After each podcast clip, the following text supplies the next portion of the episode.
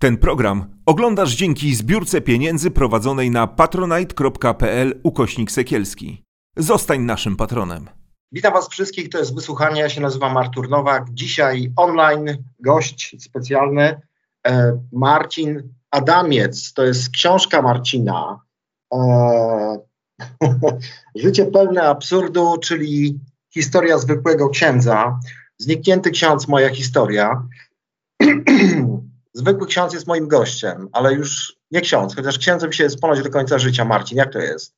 No tak, ja, ja myślę, że tak jest, no bo, no bo w sumie mam to coś sobie dalej, a y, ja teraz jako, no jako żyję po prostu, można powiedzieć, zwyczajnym życiem. E, mam dostałem zakaz od biskupa sprawowania sakramentów. E, no i tak, ale ogólnie jestem dalej księdzem, no.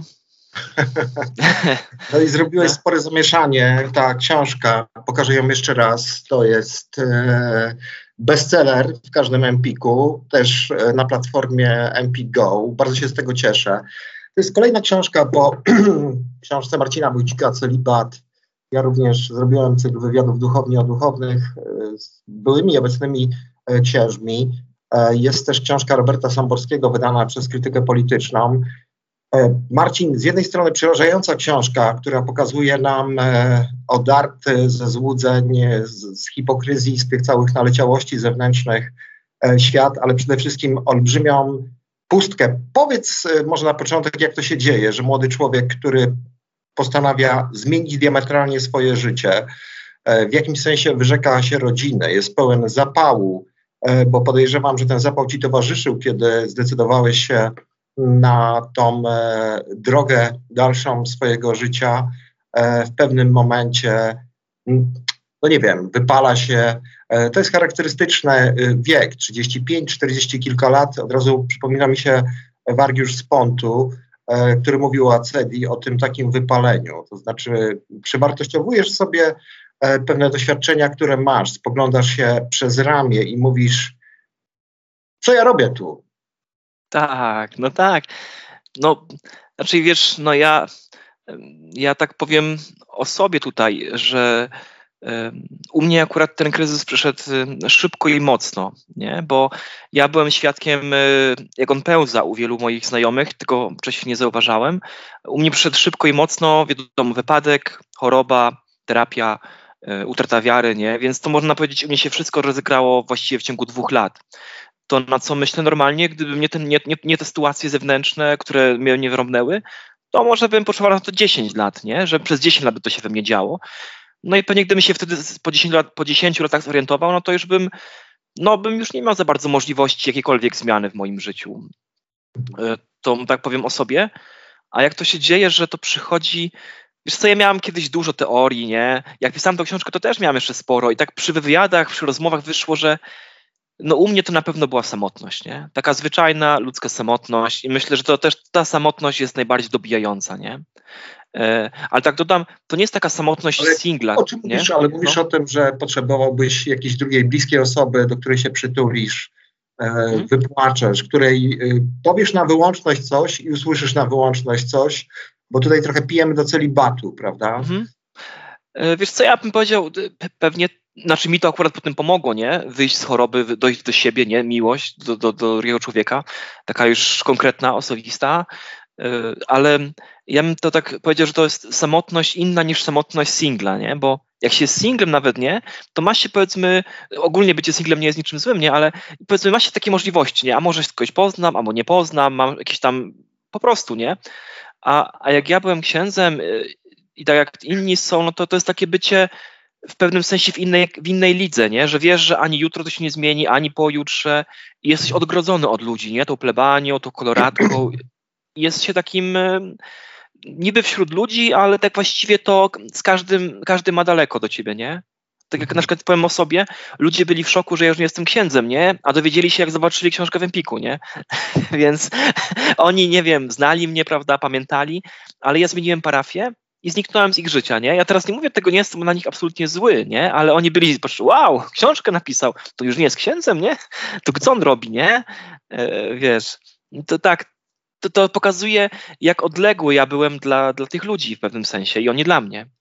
Marcin, ale co to jest za proces? Bo y, mam takie wrażenie, że jak ciebie tutaj słucham, jak czytałem tą książkę, że to jest jakiś jeden wielki teatr. To znaczy, no jesteś postawiony y, jakoś tak nierówno wobec tych ludzi, no bo oni na kolanach wyznają ci grzechy, chwalą Jezusa, jak cię widzą. Jesteś specjalnie ubrany, Jesteś tak. tak. formatowany w seminarium, że masz mieć odpowiedź na wszystkie pytania, no bo nie możesz powiedzieć nie wiem, tak? Ty, ty masz rozgrzeszać. E, oczywiście są jakieś takie standardy e, tych pokut i tych grzechów ciężkich, co się tam e, da rozgrzeszyć, a czego nie da się rozgrzeszyć. E, no więc hodujemy sobie taką sytuację aktorską, bo e, myślę sobie, że jest wielu księży takich jak ty, którzy tą wiarę stracili ale po prostu w wieku 40 kilka kilku lat, będąc magistrami teologii, e, no, za bardzo nie potrafiąc, nie wiem, sobie wyprać, posprzątać, podkurzać, zrobić jajecznicę, no bo cały czas są ogarniani, być może zwycięża ta hipokryzja po prostu i dlatego zostają. Wiesz, no, ja bym powiedział, że takich skrajnych sytuacji jak moja, że ja, bo ja naprawdę straciłem wiarę, przestałem wierzyć w Boga, przestałem się modlić, stwierdziłem, że to jest po prostu legenda, nie? Wtedy. E, I myślę, że takich skrajnych sytuacji jak moja jest, e, jest, jest mało. Raczej częstsze są takie, że ktoś po prostu czuje się w tym nieszczęśliwy, ale stara się dalej w tym być. Ale o tym to, mówię, ale ja mówię o no. takiej sytuacji, Marcin, właśnie, że ktoś jest nieszczęśliwy, a stara się w tym być. No i e, przepraszam, że ci wchodzę w słowo, przepraszam też widzów naszych, bo oni często mi to zarzucają, ale to mnie interesuje. Mhm. E, I myślę, że ich też.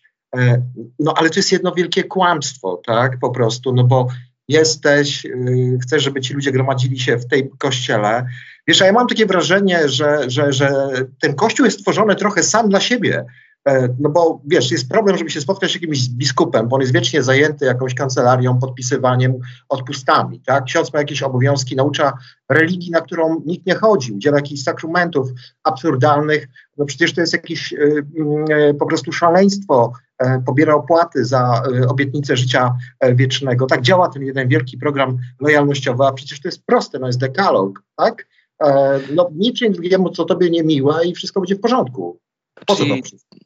Wiesz, no ja nie chcę tutaj bronić nie, bo ja, nikogo, bo ja uważam, że struktury kościoła tak naprawdę no, są nie, dziś, nie tyle nie dzisiejsze, ale są po prostu źle działają. Nie działają po prostu, nie? Są po prostu. E, Fasadowe. Nie wiem, czy przestarzałe, czy poszły w złą stronę, no, czy są pogubione, nie wiem jak to nazwać, ale, no ale tak to wygląda i zamiast ta, ten kościół, zamiast ludziom nieść radość, zamiast nieść dobrą nowinę, zamiast pomagać, zamiast być takim, takim miejscem, gdzie można pójść, gdzieś dobrze czujesz, to coraz bardziej staje się takim no, czymś trudnym, czymś odległym, czymś, z czym nie chcemy mieć do czynienia, czego się boimy. E, znaczy ja mam takie wrażenie często, jak y, oczywiście ja nie chodzę do kościoła już od dłuższego czasu, że jest takim miejscem też złej energii, takiej potwornej homofobii, e, bo ja mam wrażenie, że wielu księży, którzy właśnie mają nieprzepracowany jak gdyby e, celibat, tą samotność po prostu, odreaguje po prostu agresją trochę na tych ludziach. Znaczy to jest fakt. Ta homofobia w kościele katolickim, szczególnie w Polsce, to jest jakiś dramat, ja bym powiedział, bo no, na przykład gdyby jakiś, no, no w ogóle nawet teraz na przykład w Niemczech były teraz y, przy okazji walentynek, też wiadomo, zanim ta wojna się zaczęła, ten cały chaos, no to były nabożeństwa, na którym błogosławiono zakochanych. I nie było różnicy, czy przychodzą y, mężczyźni dwaj, czy dwie kobiety, prawda? Y, nawet niemieccy biskupi głośno próbowali coś na ten temat powiedzieć. Nawet była jakaś propozycja, żeby błogosławić pary homoseksualne, nie jako małżeństwo, ale tak po prostu błogosławić, nie? Nawet decyzji Limburg ale, ale to nie przeszło ostatecznie. A w ogóle w Polsce to jest w ogóle inna liga. Osoby homoseksualne, te tęczowe, to, to ja, ja nie wiem, jak oni się w kościele ale naprawdę mają ciężko. To jest ciekawe, że, bo to jest instytucja, która, o której Cousins, to jest dyrektor seminarium w Cleveland, mówił, że to jest gay professional. E, no, wystarczy poczytać Martela, czym wyżej, tym po prostu. E, tak, to no, prawda. Na Zachodzie często się mówiło, że ksiądz to taki gay profession. Mhm. No, no więc właśnie, czym więcej, e, czym wyżej, tym więcej jest e, osób homoseksualnych. Powiedz, e, czy ty masz jakąś teorię, bo jest to dla mnie kompletnie niezrozumiałe, dlaczego w tej homofobicznej instytucji właśnie, a z drugiej strony bardzo gejowskiej, tak, no oczywiście nie gejowskiej w tym wymiarze gay friendly, ale w takim po prostu faktycznym, tak? Dlaczego jest takie roz, rozwarstwienie po prostu? To jest taka nienawiść do swojej orientacji seksualnej, jakbyś to wytłumaczył? Ja myślę, że tak, bo, bo e, ja, ja nie, nie, nie, mi ciężko powiedzmy to jest tak dokładnie wyjaśnić. Nie chciałem też nikogo urazić, oskarżyć, powiedzieć, że ktoś taki jest, ale ja myślę, że to często było tak, przynajmniej kiedyś, że kiedy młodzi mężczyźni nie, nie czuli pociągu do kobiety, prawda, to myśleli, może bez powołania, szli do seminarium, no albo po prostu bali się te, tego, tej więzi z mężczyznami, prawda, bo uważali, że to jest złe, doszli do seminarium i tam, powiem szczerze, jak się ma 20 lat, to wszyscy mają dobrą wiarę, ja też miałem tę dobrą wiarę, uważałem, że dam radę w celibacie, nie potrzebuję kobiety, nie, potrzebuję drugiego człowieka, sobie poradzę, no ale potem przychodzi faktycznie 30, przychodzi ten to pragnienie bycia z kimś, yy, przychodzi taka potrzeba.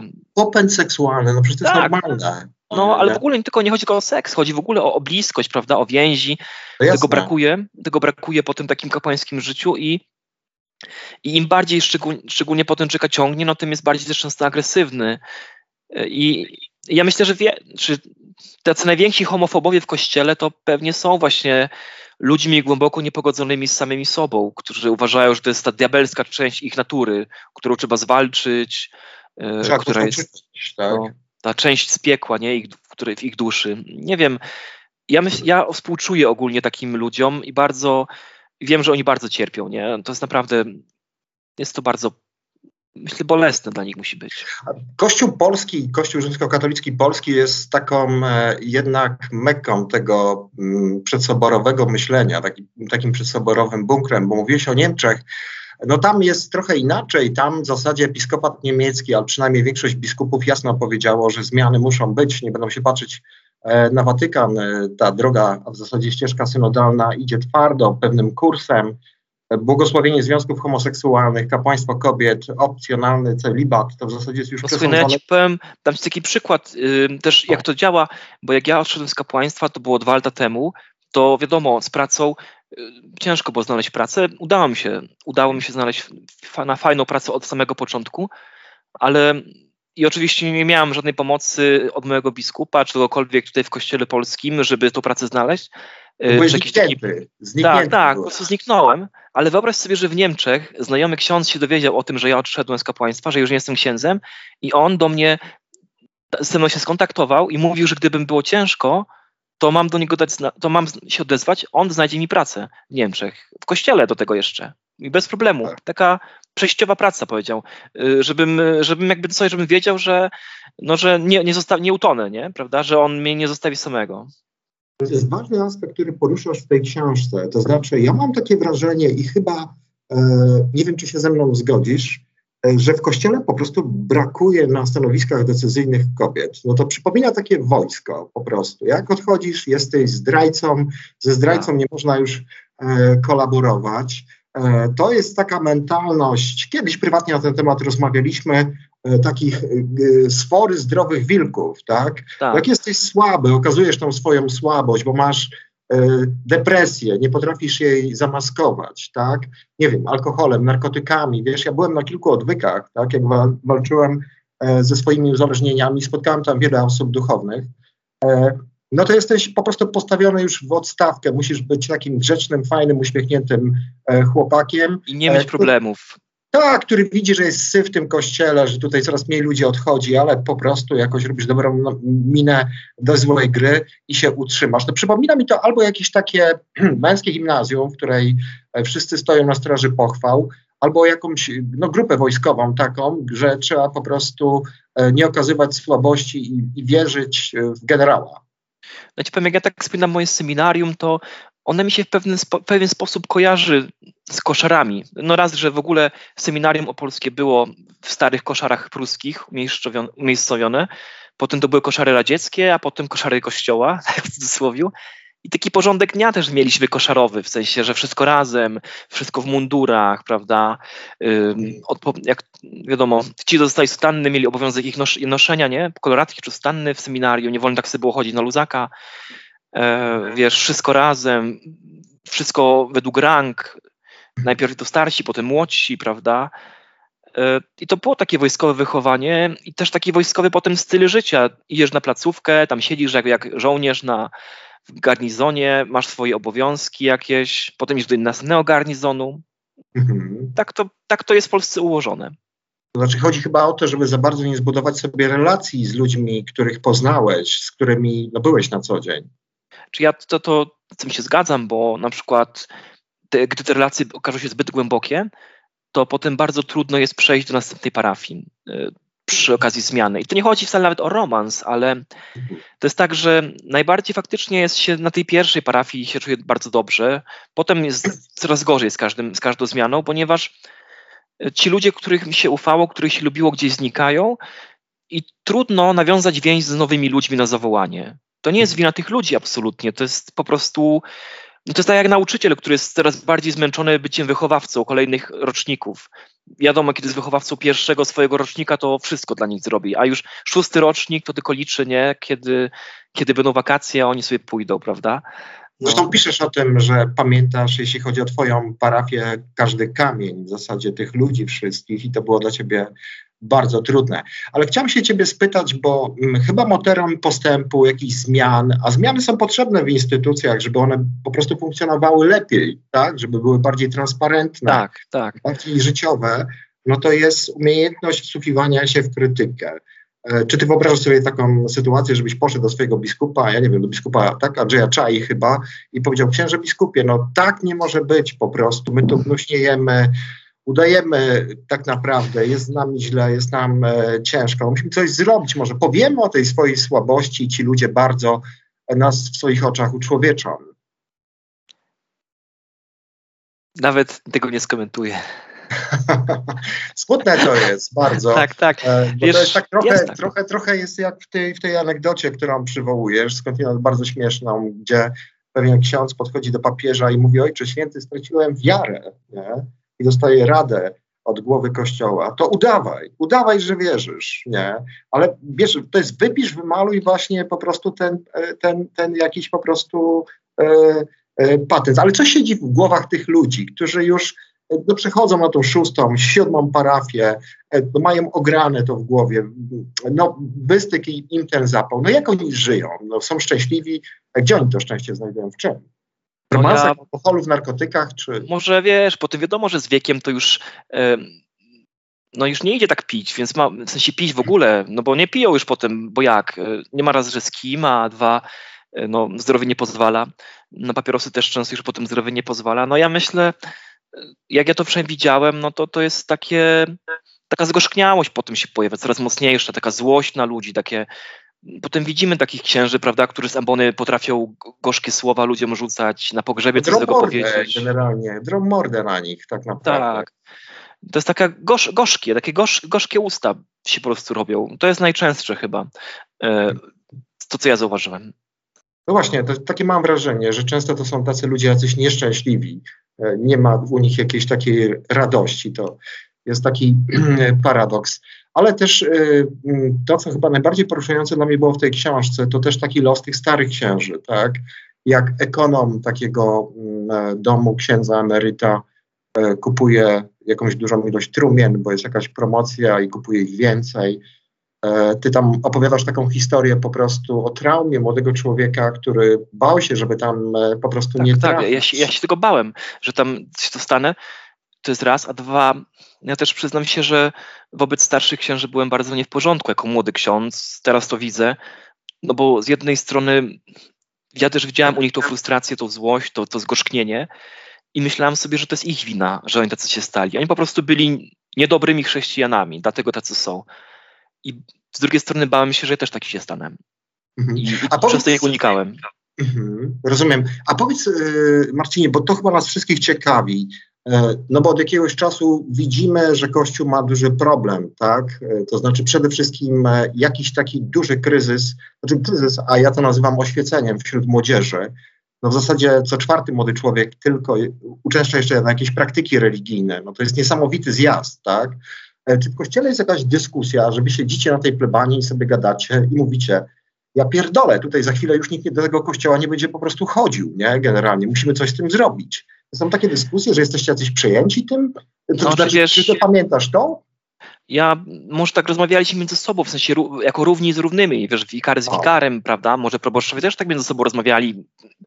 E, No i co nas nie było młodszych. No i- No ja pamiętam to, co ja mówiłem. Ja zawsze mówiłem, że coś się musi zmienić, że te struktury są do niczego, że boję się, że mnie zmielą i zniszczą. Też tak się stało potem. E, Mnie to zmieliło, powiedzmy, system mnie zmielił. E, No ja, to, ja takie coś mówiłem. Inni znowu narzekali czy to na proboszczów, czy narzekali na sytuację w szkołach, czy po prostu, że sobie nie radzą. Gdzieś tak jakoś każdy próbował powiedzieć, co ma na sercu, ale z tego nic nie wnikało, bo zmiany są zablokowane odgórnie. To nie jest tak, że Mhm. ktoś sobie na, pryba- na parafii coś zmieni, bo jakby ktokolwiek prowadzi jakikolwiek inny tryb działania parafii w Polsce, to najprawdopodobniej szybko przestanie być proboszczem. Mhm. Ale to jest właśnie ten taki, e, to mi przypomina trochę prokuraturę, taki po prostu hierarchiczne podporządkowanie, po prostu, które ma trzymać w ryzach tą skostniałą po prostu strukturę, żeby tam nie dochodziło po prostu do, do, do, do, e, e, do żadnych zmian.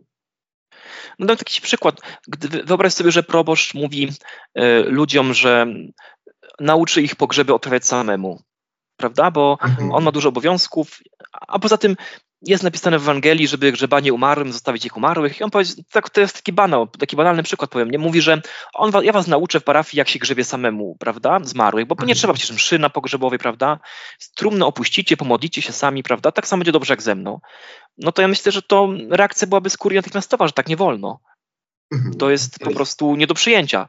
Chociaż nie jest Ale to żadna prawda chodzi? wiary. No, ale, no ja rozumiem, no ale generalnie, no, co by się takiego stało? Ja rozumiem, że co, chodzi o kasę, tak? No raz, że pieniądze pewnie by nie grały, prawda? Bo ludzie zostawialiby te pieniądze, zostawiają za pogrzeb. No, Nie małe. w Polsce dużo się płaci. No ja powiem ci tak, ja, ja jestem w diecezji, byłem w diecezji księdzem, gdzie, które miał takie powiedzmy niemieckie standardy dosyć mocne, jak na Polskę i nie wolno było mówić tyle i tyle. Nie było cennika w diecezji opolskiej, ale już obok, w innych diecezjach, tam gdzieś na bardziej na wschód, no też księża mówili 1000 zł za pogrzeb, prawda, 1500, od razu, nie, na, na, na, na, na, na, starcie, prawda.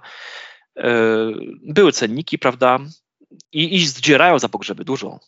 Mhm. No ja rozumiem, ale to jest zupełnie z tego, co mówisz, niepotrzebne, tak? Generalnie, to czy ja uważam, że jeżeli ktoś, e, e, no wracam do tego, tak, zakładając, że rzeczywiście wierzy, e, no nie, czyni drugiemu czego niemiłe, to ta całe symbole, czy ktoś kogoś pokropi, czy ktoś kogoś tam poleje święconą wodą, no nie mają żadnego znaczenia. Jezus o tym nie mówił. To jest naprawdę jakoś tak bardzo pokrętnie wywiedzione z Ewangelii, że trzeba dać kasę, żeby był jakiś chrzest i tak dalej. I ta struktura zajmuje się sobą, mam takie wrażenie. Cały czas jest zajęta sobą, konfliktami z proboszczem, zbieraniem kasy, rynną, dachem. Jaki to ma Tak. sens? Wiesz, ja myślę, że właśnie to jest główny problem chyba, że ten sens gdzieś zniknął i to ludzie już zauważają.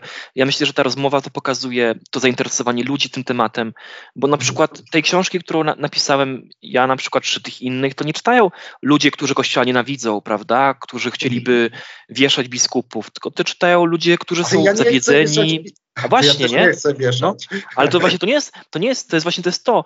Ludzie, ludzie widzą, że coś w kościele bardzo nie gra, coś się bardzo, bardzo poszło nie tak. Te struktury donikąd nie prowadzą. Na razie o tym tylko czytają, o tym rozmawiają między sobą. To jest gdzieś tam widoczne.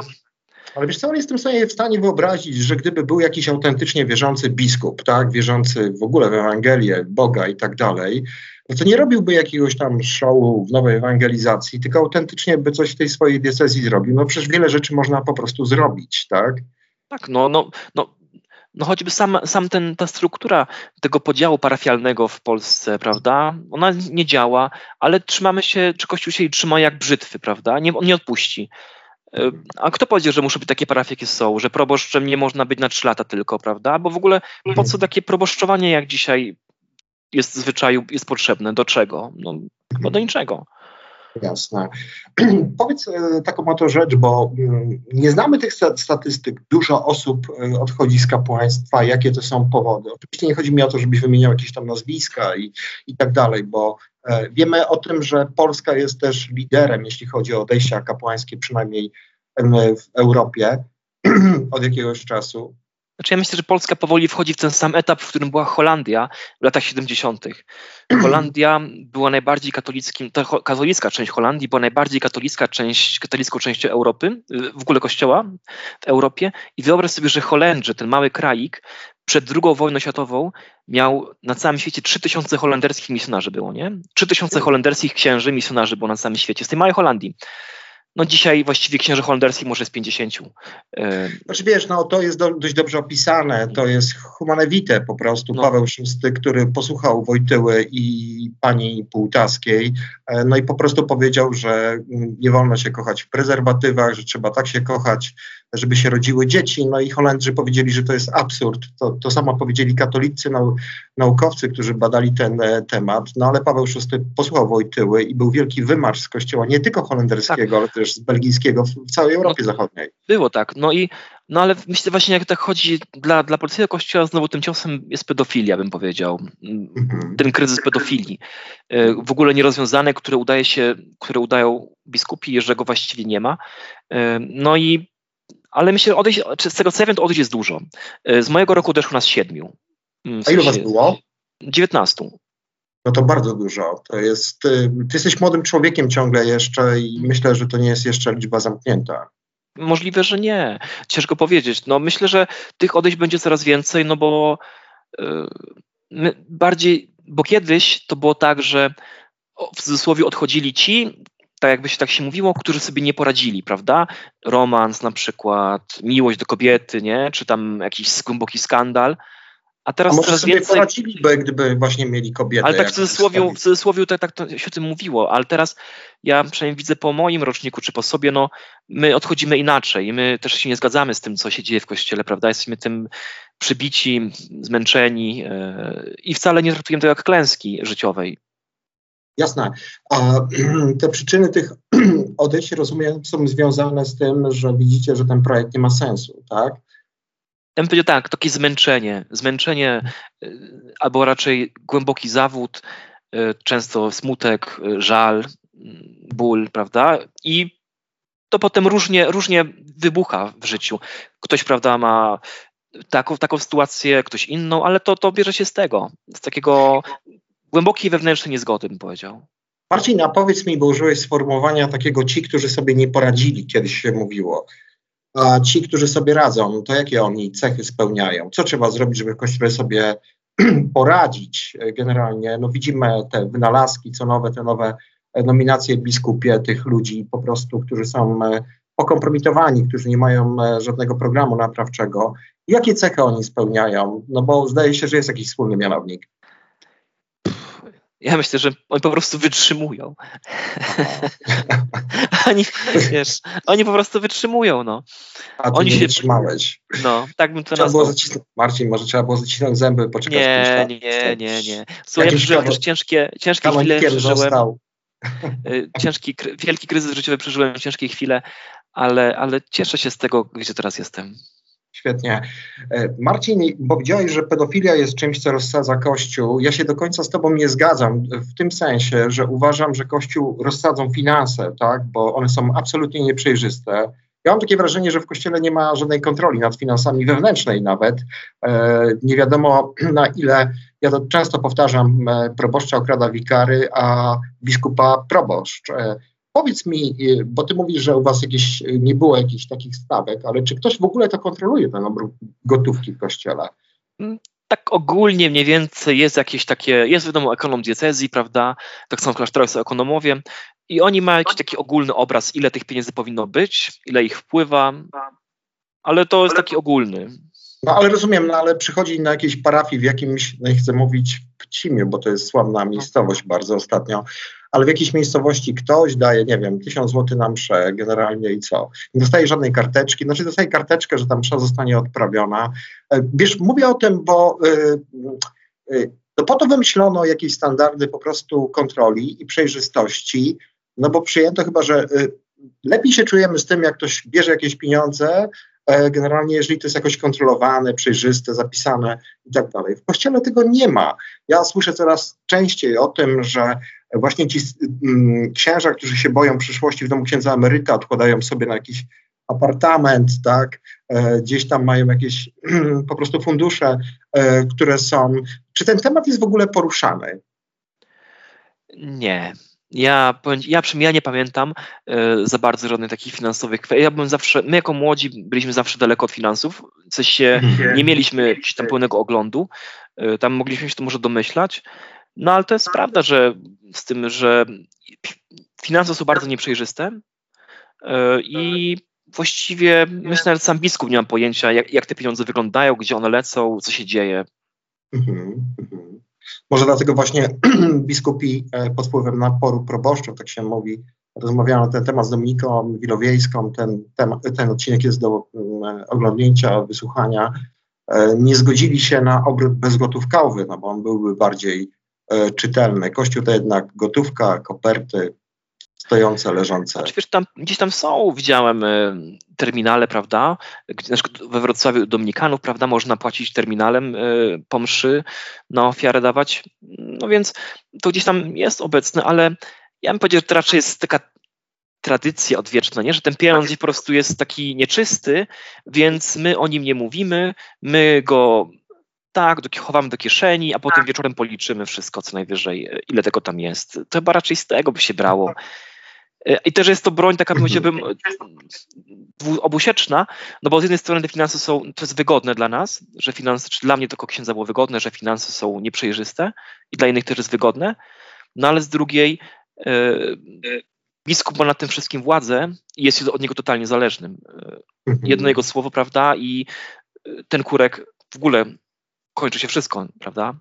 nie ma pieniędzy. No tak, to jest y, często po, po, powtarzają e, byli duchowni o tym, że podpadniesz biskupowi, cię tak załatwi i tak cię przeniesie po prostu, że się nie podniesiesz. Jedną decyzją w zasadzie niezaskarżoną. Nie, tej decyzji nie idzie zaskarżyć, nie idzie się odwołać, nie idzie mm, poprosić kogoś o wsparcie, absolutnie. Jeżeli już jest jego decyzja, nawet wystarczy w mailu, yy, no to to jest jego decyzja, prawda? I koniec.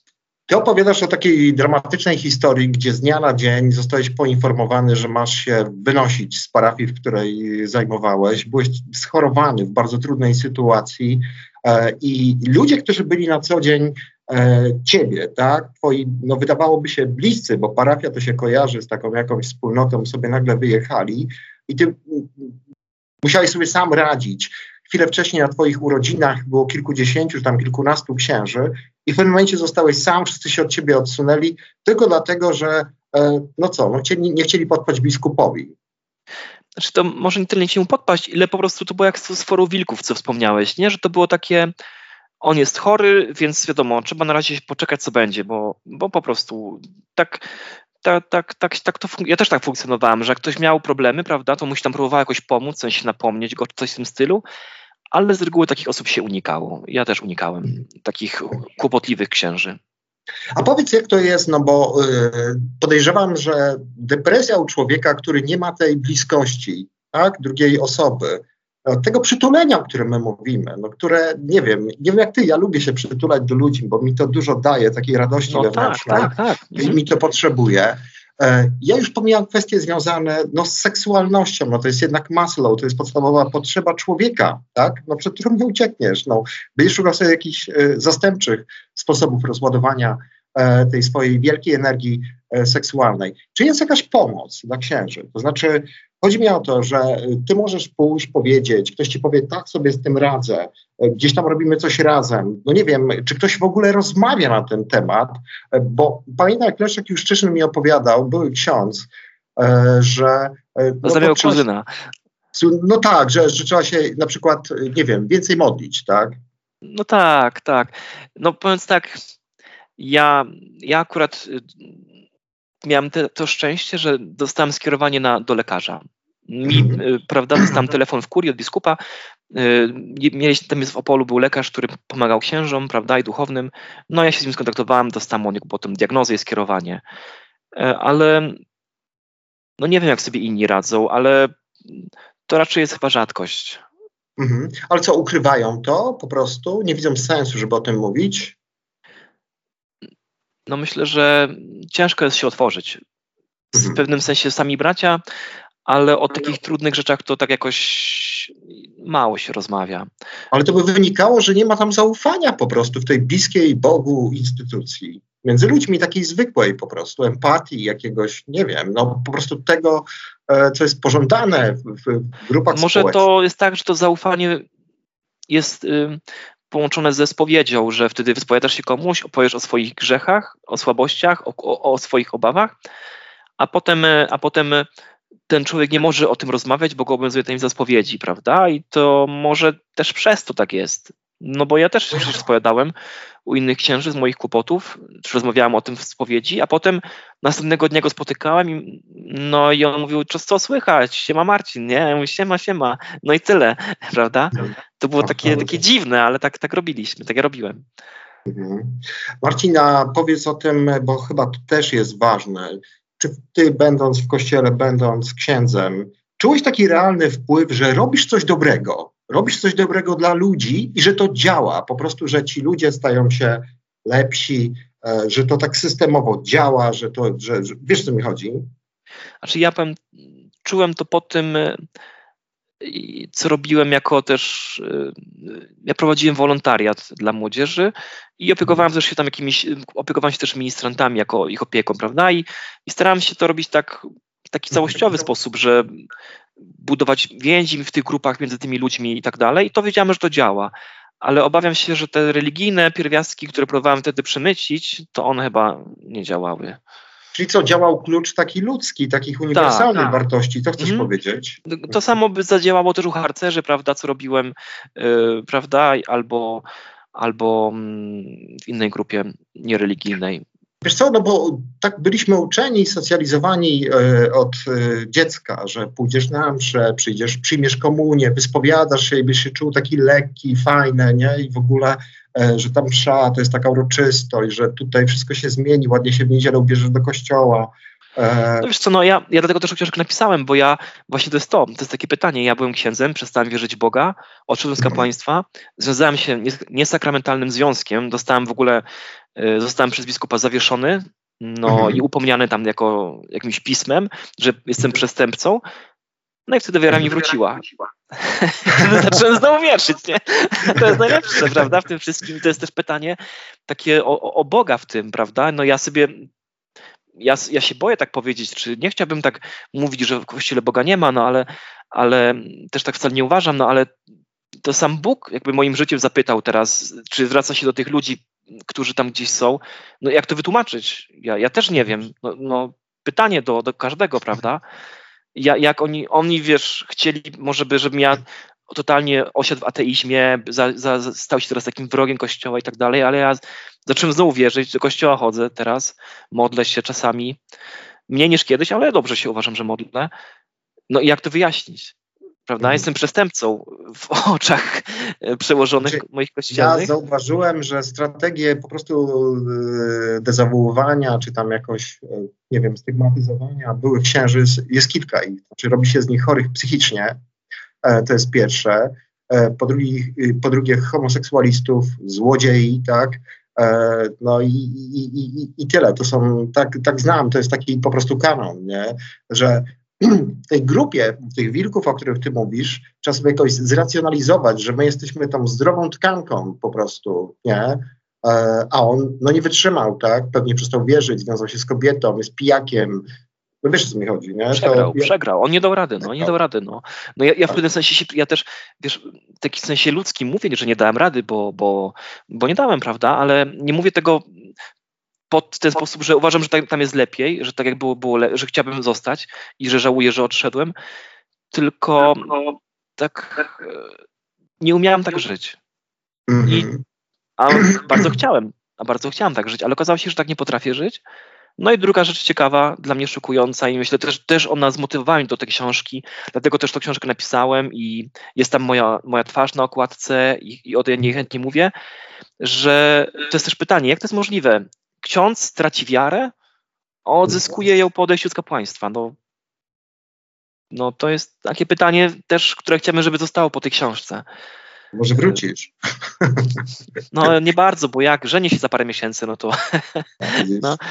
Jakie, jakie to jest skomplikowane, ale opowiadasz o księżach, którzy mają taką pogodę ducha, mają stałą e, tą kobietę, która jest tam e, gosposią. Oni są chyba bardziej stabilni radośni. Jest ta kobieta. Ja myślę, że tak. Ja, ja ich bardzo, jak sam jeszcze byłem takim młodym, gorliwym wilkiem, to ich potępiałem, się przyznam, ale teraz widzę, że oni właśnie sobie radzą najlepiej chyba. Bo oni wiesz, przyjdą do domu na plebanie, pogadają sobie z kimś, posiedzą razem przed telewizorem, pojadą gdzieś razem. Super. Czy jednym łóżku, to nie wiem, bo, bo nie śledzę ich. Ale wiesz, są taką parą, są parą i jest im po prostu raźniej. No tak, ale piszesz o historiach takich, że e, te pokoje proboszczowskie to są takie no, niedostępne, także e, rzeczywiście, ale to, co dla mnie było takie jasne, to to, że, że właśnie mówiłeś, że jak jest kobieta w tym wszystkim, czasem dzieci, e, no to jakoś łatwiej sobie po prostu poradzić, nie zwariować, jest do kogoś się po prostu odezwać, spędzić czas. Zgadzam się, tak, tak. Mhm. A I... powiedz mi, e, Marcinie, taką e, oto rzecz, bo ta książka jest napisana, a to nie jest jakaś taka ślepa furia sfrustrowanego człowieka, e, tylko taka mm, no, przepracowana już e, dość mocno historia, tak? w tym sensie, że ty tam e, nie potępiasz czegoś w czambu, tylko mm, no, opisujesz się, opisujesz po prostu Kościół od środka, przyglądasz się mu z różnych stron, ale też przyglądasz się no, no ludziom, którzy tam są w środku z różnych stron. Dostałeś jakieś zwrotki od kolegów, księży, od siód zakonnych? Jeden, dwóch napisało do mnie księży. No jeden to niestety Niemiec, nie rozumie, powiedział, ale domyśla się o czym jest i pyta się, kiedy się spotkamy. No, to bardzo, bardzo pozdrawiam tego księdza, mojego kolegę i faktycznie mam, no dlatego też zacząłem to trochę tłumaczyć na niemiecki, chciałbym, żeby on mógł też poczytać. Znamy się od lat. I drugi też taki mój kolega jeszcze z Opola też się odezwał i przeczytał, powiedział, że ciekawa książka. O, fajnie, to jest takie pozytywne. tak sobie pomyślałem też przy okazji tej rozmowy, że mm, e, mówimy o księżach, którzy odchodzą, e, ale o wiele trudniej, trudniej odejść zakonnicom. Jest taka bardzo mocna książka Marty Abramowicz, Zakonice odchodzą po cichu. Ja was zachęcam też do jednego z odcinka kryminalnej historii Kościoła na Empik Go, w której opowiadamy z profesorem Obirkiem o właśnie sytuacji osób zakonnych, mam na myśli zakonnice. Im jest odejść trudniej. A ty widziałeś w takiej e, codzienności swojej e, siostry zakonne, jak one tam funkcjonują, bo im odejść jest trudno, jest presja rodzinna z jednej strony i, i ciężko im się później jakoś tak znaleźć w tym życiu. No ja przyznam się, że z siostrami zakonnymi miałem mały kontakt. Tam gdzieś mhm. migałem, migałem i gdzieś yy, spotykaliśmy się czasami, ale tak, no ale domyślam się, że łatw, łatwo im nie jest, bo no raz, że nie mają swoich pieniędzy, mhm. prawda, i co potem zrobić? Na początku, ja wiem jak sam yy, my akurat jako księdz decyzjalny ma tam swoje oszczędności prywatne, prawda, może mieć. I teraz ja też nie wyobrażam, gdybym ja nie miał tych pieniędzy, co bym zrobił na początku, prawda? Praca, moja praca na początku nie pozwalała mi się utrzymać, mm. zapłacić za wszystkie rachunki, e, czuć się w miarę pewnie. No i teraz gdybym bez tych pieniędzy był, no to bym w ogóle nie miał szans na żaden start. E, I mhm. co, co to jest jedna rzecz. Druga rzecz, ja też myślę, że w tych klasztorach panuje zupełnie inna dyscyplina. One chodzą w tych strojach. One tam jest jeszcze bardziej skoszarowane wszystko, więc kiedy się wychodzi, to jeszcze gorzej jest, bo tam ktoś zawsze powiedział, idź tam, zrób to, zajmij się tym. Teraz tak, a nie inaczej. I nagle ten szok, nie ma tego kogoś, kto to wszystko mówi. Nawet ten ktoś był denerwujący, prawda? Nienawidziło się go, to nagle ten ktoś znika i, i też się jest zagubionym. Więc ja myślę, że no jest trudno.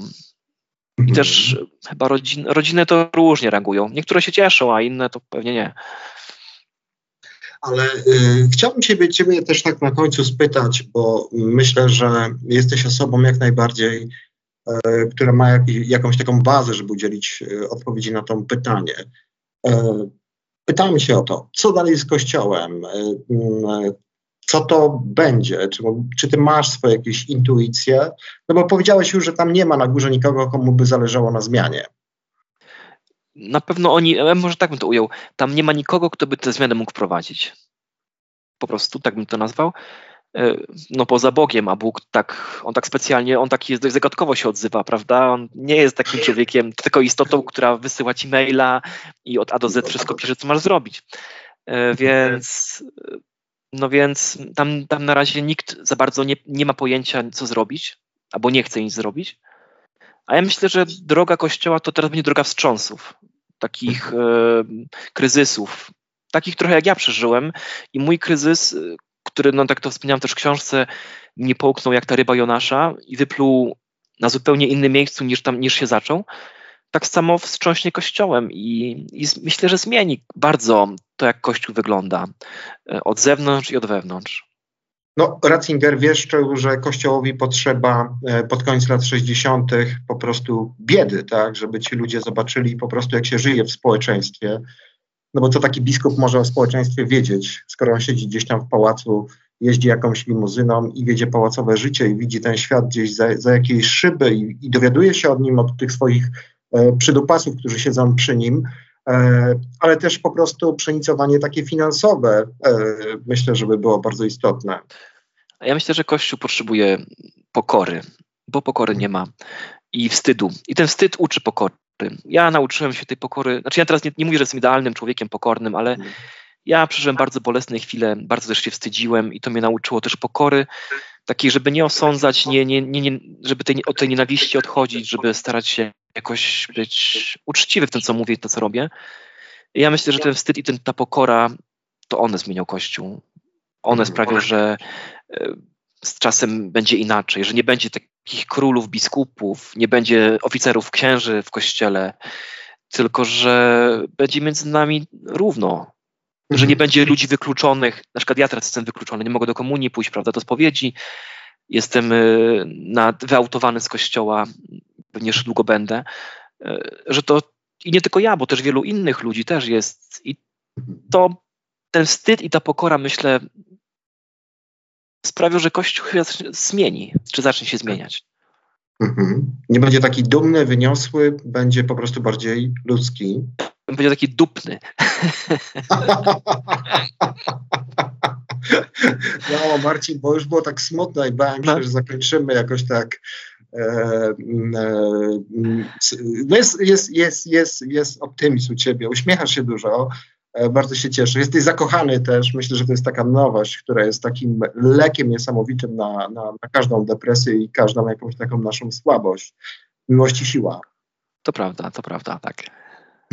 skąpo, skąpo, skąpo, nie chciałeś rozwinąć tego. E, słuchajcie, mm, książka Marcina jest... No nie, e, wiesz, moja narzeczona... No, no, nie musisz o narzeczonej opowiadać o sobie, wystarczyłobyś powiedzieć, co się z tobą dzieje, po prostu i tyle. Chyba, że cię gdzieś tam słucha. No wiesz, no ja, ja e, pewnie usłyszę, bo ona potem mnie zawsze słucha, no. ale no, no u mnie co, ja powiem, ta miłość sprawiła, że stanąłem na nogi. Super. Kiedy nie wiedziałem po co żyć, no, mówili mi niektórzy, Boga masz, ale go wtedy nie widziałem. E, mhm. I to, to ona pozwoliła mi, pomogła mi go znowu odkryć i pomogła mi stanąć na nogi po prostu. I to jest taki nasz apel. Marku Jędraszewski, Tadeuszu Ryzyku, zakochajcie się po prostu, zakochajcie się i będziecie się więcej uśmiechać, będziecie bardziej radośni. O, to by wam się bardzo przydało. A książka Marcina z jego autografem, ja to przypilnuję e, i przypilnuję e, dość mocno to Agorę, będzie na, nagrodą dla patronów, na ludzi, którzy nas dziś słuchają. Bardzo Was zachęcam do tej lektury. Dostałem tą książkę jako jedną z wielu książek o, o, o, Kościele i powiem Wam, że od pierwszej strony bardzo mocno w nią wszedłem. Nie jest tylko tam tak smutno, jest dużo e, takiego fajnego e, humoru. E, I nieraz się mm, dość mocno i serdecznie pośmiałem nad tą książką. E, Marcin, pracuj dalej, bo, bo jest, jest potencjał, jest y, Kościół jeszcze, myślę, przez jakiś czas będzie takim tematem sekcji. Za, za chwilę nikt się nie będzie interesował, bo młodzi to, to tam nie wiedzą, kto to jest Jan Paweł II, może bardzo dobrze. E, e, bardzo Ci dziękuję za e, e, e rozmowę. E, coś chciałeś powiedzieć jeszcze na koniec naszym słuchaczom? No, ja powiem Ci tak, ja, to co mnie zaskoczyło chyba najbardziej, to zainteresowanie z Niemiec, prawda? Sporo, sporo, no sporo. No kilkanaście osób z Niemiec do mnie pisało. Niektórzy umieli przetłumaczyć sobie tą książkę, jeszcze trochę polski znają. Inni Niemcy już tylko widzieli okładkę i tak po prostu mnie znają z przeszłości. No i to mnie na przykład y, też bardzo ucieszyło. I pokazuje, że na, nawet w Niemczech, prawda? Bo Niemcy też takie są, można powiedzieć, e, krajem by się wydawało bardzo odległym od kościoła. Nawet też taki temat a w sumie to można wyciąć, wiesz co? Tych Niemczech. nie będę się chwalił. No. no dobrze. Marcin, no. to to wytniemy w takim razie. E, słuchajcie, kochani, miło się rozmawia z Marcinem i obiecuję wam, że jeszcze Marcina wyciągnę na rozmowę, a jak będzie w Warszawie tego przydybie i będę chciał go przepytać na żywo. Marcin, gratuluję ci serdecznie. Na koniec taka prośba. Mm, subskrybujcie wysłuchanie E, media społecznościowe Tomka Sekielskiego. E, to bardzo prosto zrobić, wystarczy tam kliknąć odpowiedni e, guziczek. Prosimy Was oczywiście też o wsparcie finansowe. My nie pobieramy żadnych honorariów za to, że to prowadzimy, działamy społecznie i mamy z tego fan, to nie jest nasz obowiązek, ale nasza radość. I jeszcze raz zachęcam do książki Marcina, jeszcze raz ją pokażę tak wyraźnie. O, no, Marcin, pozdrawiam i do zobaczenia, mam nadzieję, następnym razem e, na żywo. A powiem Wam, że jest, są takie plany, że z Marcinem pojedziemy gdzieś tam w jakąś trasę i myślę, że sobie dużo przegadamy przy okazji promocji jego książki. Tylko niech się uspokoi na Ukrainie. No. no oczywiście, że tak. To jest podstawa. Właśnie, to, to jest wielki dramat. Nie zapominajcie o Ukraińcach. Pozdrawiam serdecznie. Dziękuję Ci, Marcin. Wszystkiego dobrego. Do następnego wysłuchania. Dziękuję bardzo. Cześć. Ten program oglądałeś dzięki zbiórce pieniędzy prowadzonej na patronite.pl ukośnik sekielski. Zostań naszym patronem.